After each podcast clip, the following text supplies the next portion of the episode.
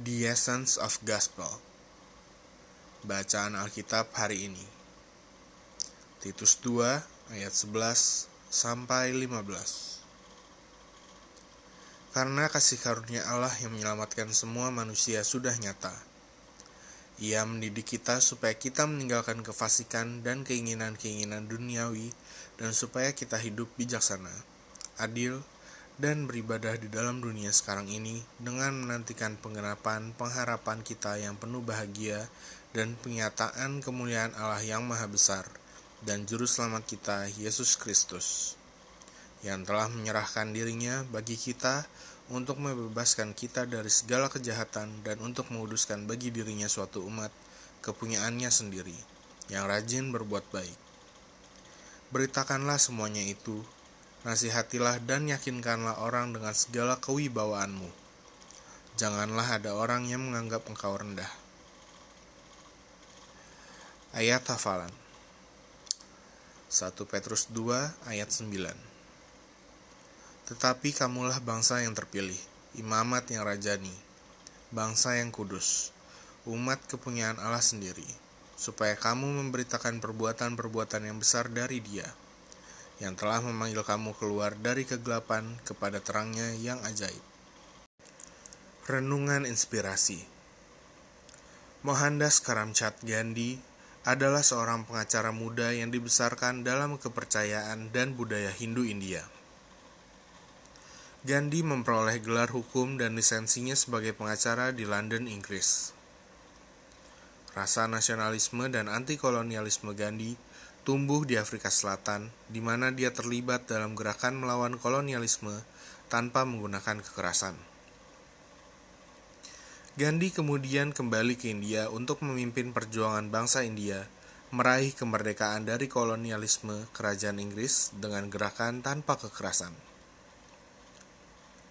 Prinsip gerakan Gandhi yaitu satyagraha atau jalan kebenaran dan ahimsa atau tanpa kekerasan yang menjadi pilar perjuangannya bersama India pada waktu itu.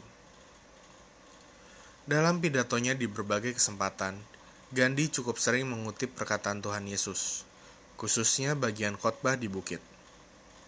Matius 5 sampai 7.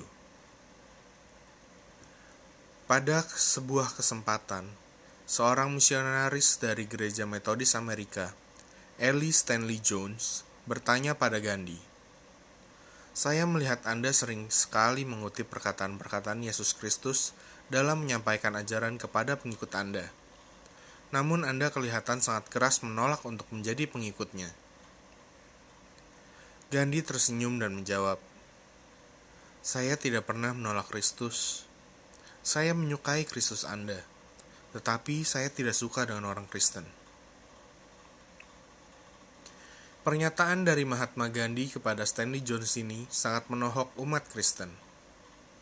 Pernyataan ini harusnya memaksa kita untuk merenungkan kembali esensi dari pengabaran Injil yang selama ini kita lakukan. Injil adalah kabar baik tentang keselamatan kekal di dalam Tuhan Yesus Kristus. Namun sekaligus juga sebuah panggilan untuk membawa perubahan hidup bagi semua orang yang mendengar dan menerimanya. Pengabaran Injil yang selama ini sering diartikan secara sempit sebagai penyampaian kesaksian memang sama sekali tidak salah. Tetapi, esensi atau inti dari pengabaran Injil itu seharusnya melibatkan seluruh keberadaan diri setiap orang percaya. Pengabaran Injil haruslah berpusat pada pertobatan dan perubahan hidup, baik pada diri orang yang mengabarkannya maupun pada orang yang mendengarnya. Firman Tuhan adalah pedang bermata dua yang akan bekerja baik pada hati orang yang menyampaikannya maupun yang mendengarnya. Percakapan antara Mahatma Gandhi dengan Stanley Jones memberikan kita sebuah makna yang dalam, yaitu sebelum kita mengabarkan kabar baik yang akan membawa pertobatan dan pengampunan dosa bagi orang yang menerimanya, kita harus lebih dulu mengalami pertobatan dan pengampunan dosa. Kesaksian yang terbaik adalah kesaksian yang disampaikan tanpa kata-kata. Refleksi diri. Pertama, Bagaimana Anda memaknai esensi dari pemberitaan kabar baik atau Injil selama ini? Sesuatu yang patut kita syukuri setiap saat dan juga sesuatu yang patut kita yakini dapat menjadi pedoman baik dalam menjalani hidup di dunia ini. Kedua, dalam hal apakah Anda masih merasa kurang untuk bisa menjadi Injil yang terbuka bagi banyak orang? Langkah apa yang perlu Anda lakukan? Perkataan, karena saya bukan orang yang dapat bersosialisasi dengan baik jika belum terlalu kenal. Yang saya lakukan adalah mencoba lebih membuka diri dalam percakapan dengan orang-orang baru yang ditemui. Pokok doa Tuhan Yesus, Aku bersyukur buat kasih karuniamu di dalam hidupku. Tuhan, ubah hatiku. Pakai hidupku untuk menjadi Injil yang terbuka untuk dibaca oleh banyak orang. Tinggallah dalam hatiku, Tuhan, agar semua orang dapat melihat kemuliaanmu terpancar melalui kehidupanku. Dalam nama Tuhan Yesus, amin. Yang harus dilakukan Beritakanlah kabar baik, keselamatan, dan pengampunan dosa kepada semua orang melalui kehidupan yang telah diubahkan oleh Tuhan. Hikmat hari ini Preach the gospel at all times, and when necessary, use words.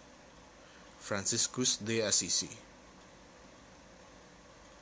Beritakanlah Injil setiap saat, dan bila perlu, gunakanlah kata-kata.